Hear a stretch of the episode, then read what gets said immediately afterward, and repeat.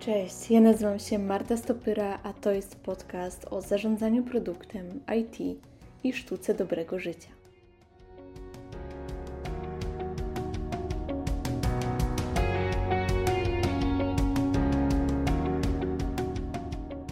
Cześć, dzień dobry, witam Cię bardzo serdecznie.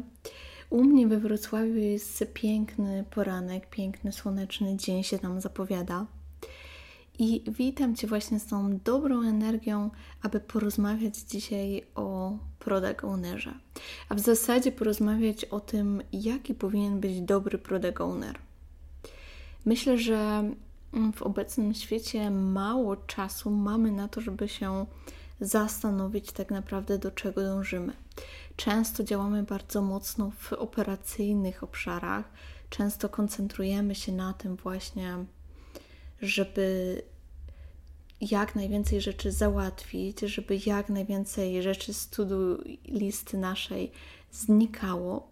Natomiast odnośnie jakości tych zadań, które wykonujemy, czasami sprawa ma się różnie.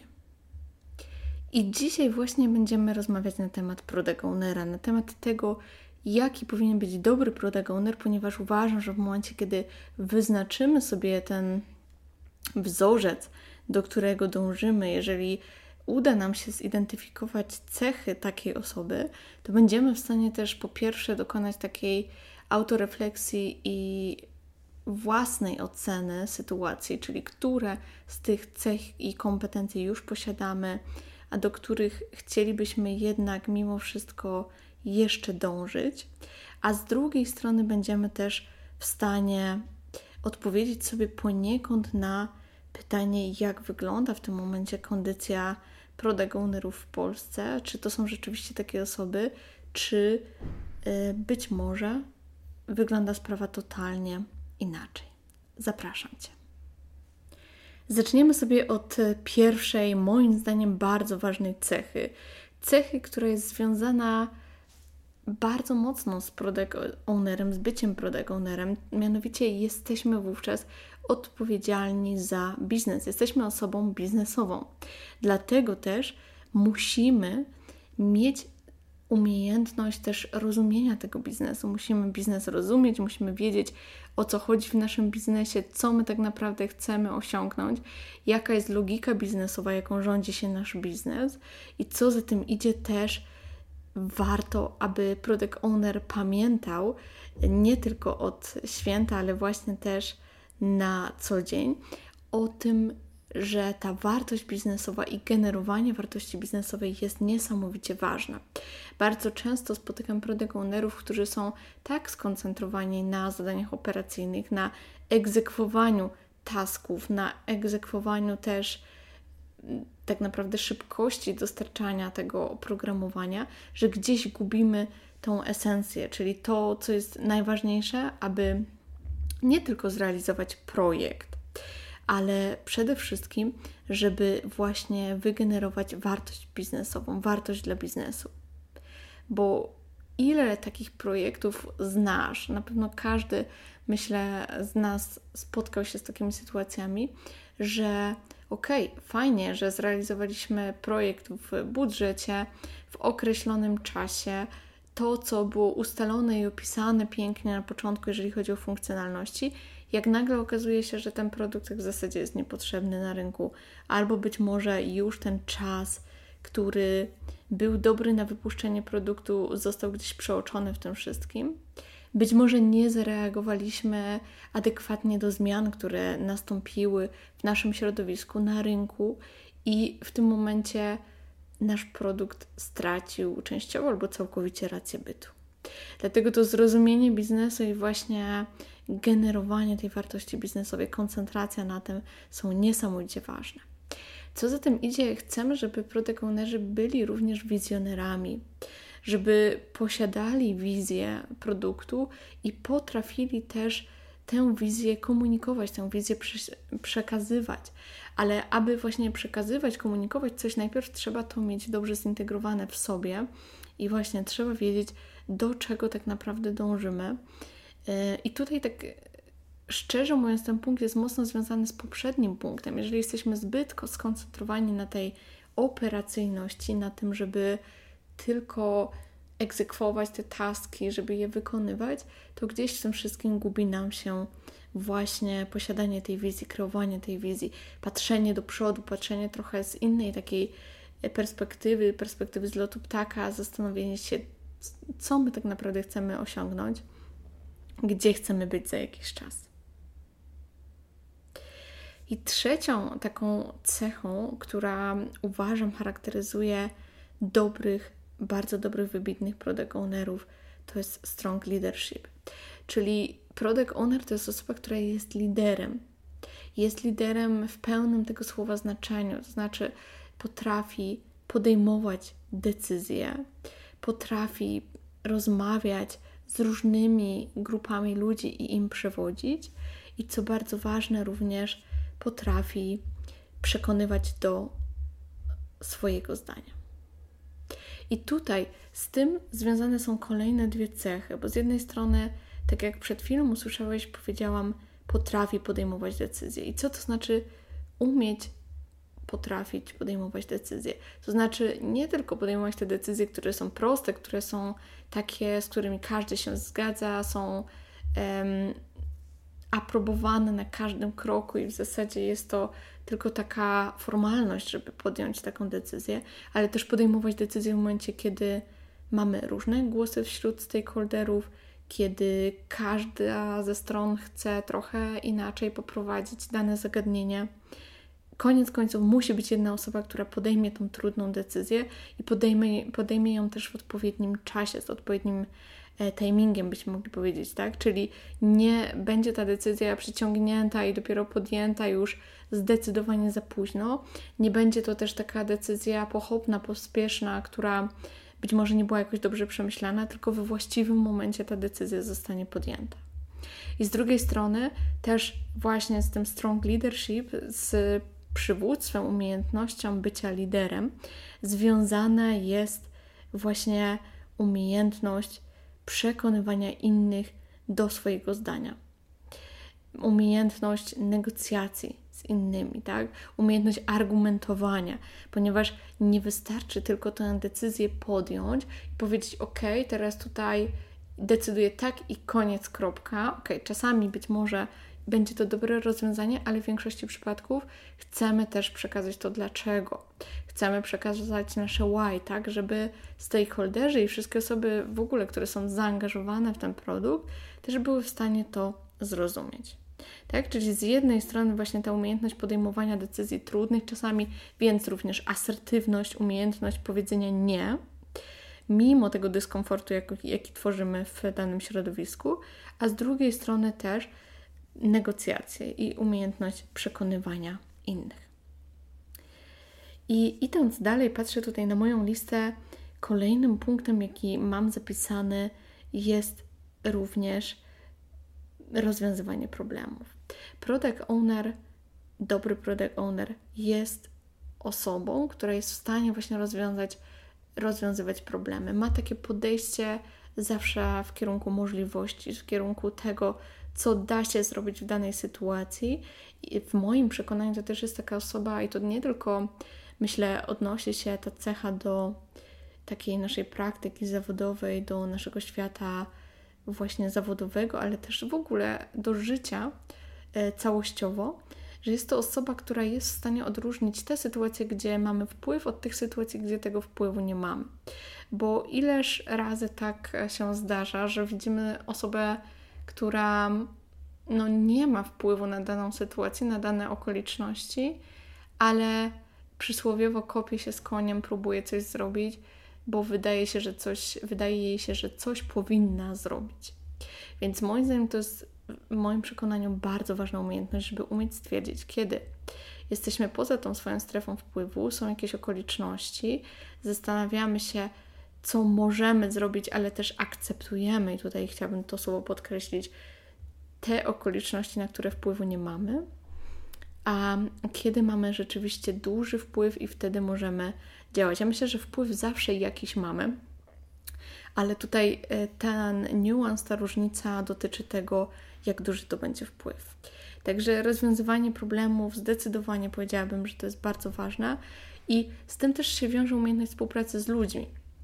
Umiejętność korzystania z kompetencji różnych członków zespołu, z kompetencji osób, które znajdują się w naszym otoczeniu i środowisku, angażowania tych ludzi, e, wspólnej motywacji, odnajdywania tej motywacji. Kolejną taką dosyć ważną cechą, która być może wyda Ci się trochę przeciwstawna do tego, co powiedziałam na początku o naszym świecie operacyjnym, o tym zanurzeniu w operacyjności, w działaniu cały czas takim na poziomie mikrotasków, mikrozadań, które niekoniecznie są najważniejsze, jest zorganizowanie i bycie właśnie zorganizowanym, dobra organizacja zarówno swojego działania, swojej pracy, jak i pracy z zespołami. I tutaj myślę, że możemy powiedzieć o wielu rzeczach, z jednej strony świat product ownerów jest tak skonstruowany, że balansują oni cały czas pomiędzy różnymi światami. Z jednej strony są to rozmowy z interesariuszami, które często są już takie strategiczne, wybiegają w przyszłość. Jest to współpraca z zespołami, taka praca typowo operacyjna.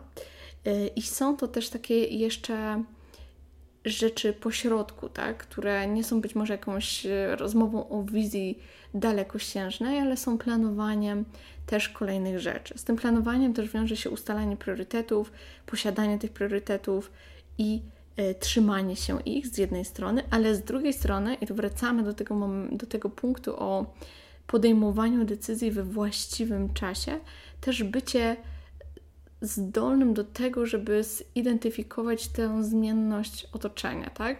Czyli w momencie, kiedy zmieni się jakiś czynnik, to chcemy też na to reagować, reagować na tą zmianę, nie udawać, że nic się nie stało i w zasadzie trzymamy się planu, tak jak to było zorganizowane, jak to było zaplanowane, takie jakie były priorytety, a z drugiej strony też nie chcemy cały czas zmieniać tych priorytetów, czyli znów właściwa reakcja. To słowo właściwa, właściwy myślę, że będzie rezonować w tym odcinku dosyć mocno. Też z tego względu, że właśnie określa ono dla mnie takim, taką, taką odpowiednią reakcję, tak? Czyli odpowiednia decyzja, czyli w odpowiednim czasie, podobnie odpowiednia zmiana, czyli w odpowiednim czasie, wtedy, kiedy ona rzeczywiście jest konieczna i potrzebna. Mówiąc o dobrych, wybitnych product ownerach, nie sposób pominąć umiejętności komunikacyjnych, umiejętności rozmawiania z ludźmi. I tutaj znów możemy powiedzieć o wielu aspektach, bo z jednej strony będzie to komunikacja na wielu różnych poziomach z zespołem deweloperskim, ze specjalistami technicznymi, więc już taki język typowo techniczny momentami, język typowo osadzony na tu i teraz, na operacyjności. Z drugiej strony współpraca z biznesem, gdzie zazwyczaj nie używamy tak technicznej, technicznych sformułowań, tak technicznej komunikacji. I z trzeciej strony też będzie wielu stakeholderów, którzy w ogóle być może są poza kontekstem naszego projektu, ale również z nimi rozmawiamy. I e, z jednej strony to mogą być potencjalnie przyszli użytkownicy, którzy w ogóle nie mają pojęcia jeszcze o naszym produkcie, z drugiej strony to też mogą być przedstawiciele władz lokalnych, to mogą być przedstawiciele, przedstawiciele jakichś organizacji różnego typu. E, być może to będzie współpraca to również z prawnikiem odnośnie jakichś aspektów prawnych. Wiele różnych rzeczy tutaj się wpisuje. I teraz taka osoba powinna umieć dostosować ten styl komunikacji właśnie do, e, do swojego odbiorcy. Też, jeżeli nie znasz jeszcze takiej aplikacji, mogę Ci polecić aplikację Attitude Everybody's Got One. Jest to aplikacja, która pozwala ćwiczyć rozpoznawanie stylu komunikacji Twojego odbiorcy, tak abyś była, byś była w stanie dobrze się do tego stylu dostosować. I o co w tym chodzi? Generalnie jest to zasada, która mówi o tym, że każdy z nas preferuje jakiś styl komunikacji, niekoniecznie tutaj mówiąc o charakterze tej komunikacji, czyli czy on będzie bardziej techniczny czy biznesowy, ale chociażby o szybkości mówienia, o wyrazie ekspresji, czy to będzie takie bardzo flegmatyczne, czy to będzie takie rzeczywiście żwawe i bardzo mocno do przodu, takie naładowane entuzjazmem i pozytywną energią. I w momencie, kiedy taka osoba, która właśnie jest taka rozentuzjazmowana i pełna radości, pełna ekscytacji non-stop odnośnie nieważne co by robiła, to zawsze tak reaguje, spotka się z osobą taką właśnie flegmatyczną i powolną, która potrzebuje czasu, która ma takie poczucie, że wszystko trzeba dokładnie omówić, to ta komunikacja jest bardzo utrudniona. I też mówi się o tym, że najlepsi właśnie komunikatorzy, najlepsze osoby, które e, są w stanie rozmawiać z ludźmi, potrafią dostosowywać ten swój styl komunikacji do odbiorcy. Także jeżeli będziesz zainteresowany, zainteresowana, to podrzucę Ci też link pod tym podcastem do tej aplikacji. Jest wersja na Androida i na iOS, żeby sobie obejrzeć. Jeżeli mówimy o komunikacji, to też trzeba pamiętać o takich bardziej oficjalnych sytuacjach, czyli sytuacjach, gdzie coś prezentujemy, gdzie być może potrzebne jest y, jakaś, jakieś przemówienie publiczne, być może jakaś mowa motywacyjna, taka właśnie podnosząca zespół, daną grupę ludzi na duchu, ale też elevator pitch, tak? Czyli w momencie, kiedy gdzieś spotykamy jakichś stakeholderów przez ułamek sekundy, musimy być w stanie rzeczywiście też sprzedawać. Także myślę, że to też jest bardzo ważne, mm, jeżeli chodzi o product ownera. Nie jest to tylko osoba taka stricte po stronie delivery, ale też ja widzę osobiście e, tę osobę jako, tak jak powiedziałam na początku, człowieka biznesu, który mimo wszystko też musi posiadać te takie umiejętności sprzedażowe poniekąd. Dobrze, powiedzieliśmy sobie już też o właśnie negocjacjach, o asertywności i teraz chciałabym przejść jeszcze do części, która jest jeszcze bliżej emocji, bo myślę, że to sformułowanie umiejętności miękkich, które jest też tak nadużywane i dosyć spłaszczone obecnie w naszym obecnym świecie, nie będzie odpowiednie, ale właśnie bardziej to sfera, strefa emocji. Mianowicie uważam, że ci najlepsi product cechują się wysokim poziomem empatii. Są w stanie łączyć się z ludźmi, rozumieć ludzi, słuchać ich, to jest bardzo ważne, szczególnie w kontekście też e, przykładowo potencjalnych obecnych użytkowników naszych produktów. Są w stanie identyfikować i rozumieć problemy tych ludzi, wczuwać się w ich sytuację. Tak? Czyli na pewno też cechuje takie osoby wysoki, wys wysoka inteligencja emocjonalna, wysoki odsetek inteligencji emocjonalnej. I to wszystko powoduje, że to też są takie osoby, które wzbudzają zaufanie w drugim człowieku, tak? Myślę, że na to wzbudzanie zaufania składa się wiele aspektów, bo również to, że te decyzje, które podejmujemy, mimo że są trudne, to trzymamy się ich, mimo że jeżeli obiecamy zespołowi, także taka decyzja jest y, podjęta i w tę stronę idziemy, to później, jeżeli ktoś będzie miał do zespołu jakieś, ale jakieś pretensje, to też staniemy w ich obronie. Będziemy zawsze za swoją prawdą, za tym, co komunikowaliśmy wcześniej. Także myślę, że to taki wzbudzanie zaufania jest też niesamowicie ważne, ale też inteligencja emocjonalna, tak? Ta strona, żeby być w stanie wczuć się w potrzeby drugiej osoby, wczuć się w zrozumienie, to też przekłada się w naturalny sposób na umiejętności komunikacyjne, umiejętności wyczucia swojego rozmówcy, tego, jaki styl komunikacji preferuje, gdzie on w tym momencie w tej rozmowie się znajduje, czy on tak naprawdę nas słucha, czy być może jest gdzieś w swoim świecie, czy zrozumiał to, co my chcemy mu przekazać. Jest tutaj wiele różnych aspektów. Mówiąc na początku tego podcastu o przywództwie, o leadershipie, o tym, że product owner powinien być mocnym i dobrze upozycjonowanym liderem, miałam również na myśli aspekt dotyczący właśnie pozycji w organizacji, tak zwanego empowermentu, tak? czyli właśnie takiego upozycjonowania, umocowania w roli.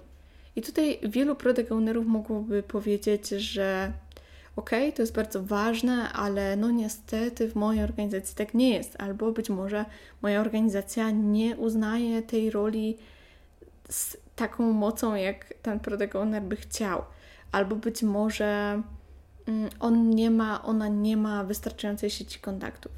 I tutaj chcę powiedzieć, że moim zdaniem mm, to nie są dobre argumenty, ponieważ to jest odpowiedzialność tej osoby, tego PO, tego product ownera, żeby zbudować tę sieć kontaktów, żeby networkować, żeby poświęcać na to czas, żeby budować swoją pozycję. W momencie, kiedy wchodzimy do nowej organizacji albo nowego zespołu, to ok, jest jakieś nastawienie całego środowiska do naszej roli, bo być może wcześniejszy product owner zachowywał się inaczej, być może pozwalał sobie wchodzić na głowę, ale to my rozdajemy karty, bo to jest nowe rozdanie.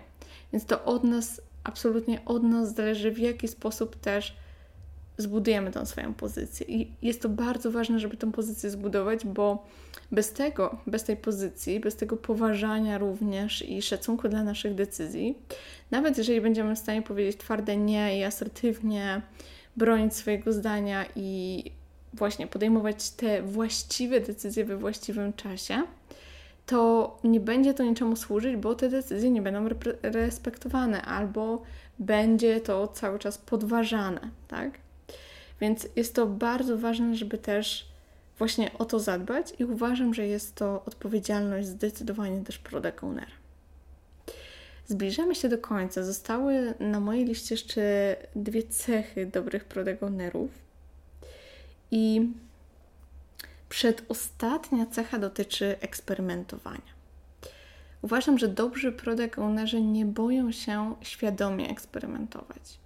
I co rozumiem tutaj przez słowo świadomie? To znaczy, nie chodzi tutaj o takie działanie, zobaczymy jak to się potoczy, zobaczymy co z tego wyniknie i w końcu, koniec końców nazywamy to, że to był eksperyment. Tylko chodzi tutaj o takie świadome podejście do tego eksperymentowania, czyli najpierw rozpisanie sobie tych eksperymentów, rozpisanie sobie oczekiwanych rezultatów, co myślę, że też jest bardzo ważne, i finalnie później też zweryfikowanie tych rezultatów, dostosowanie swoich działań w zależności od tego, co nam z tych eksperymentów wyszło. Tak, czyli inspect and adapt, tak? Inspect, mm, in, dokony, dokonuj inspekcji, byśmy powiedzieli po polsku, i dostosowuj swoje działanie.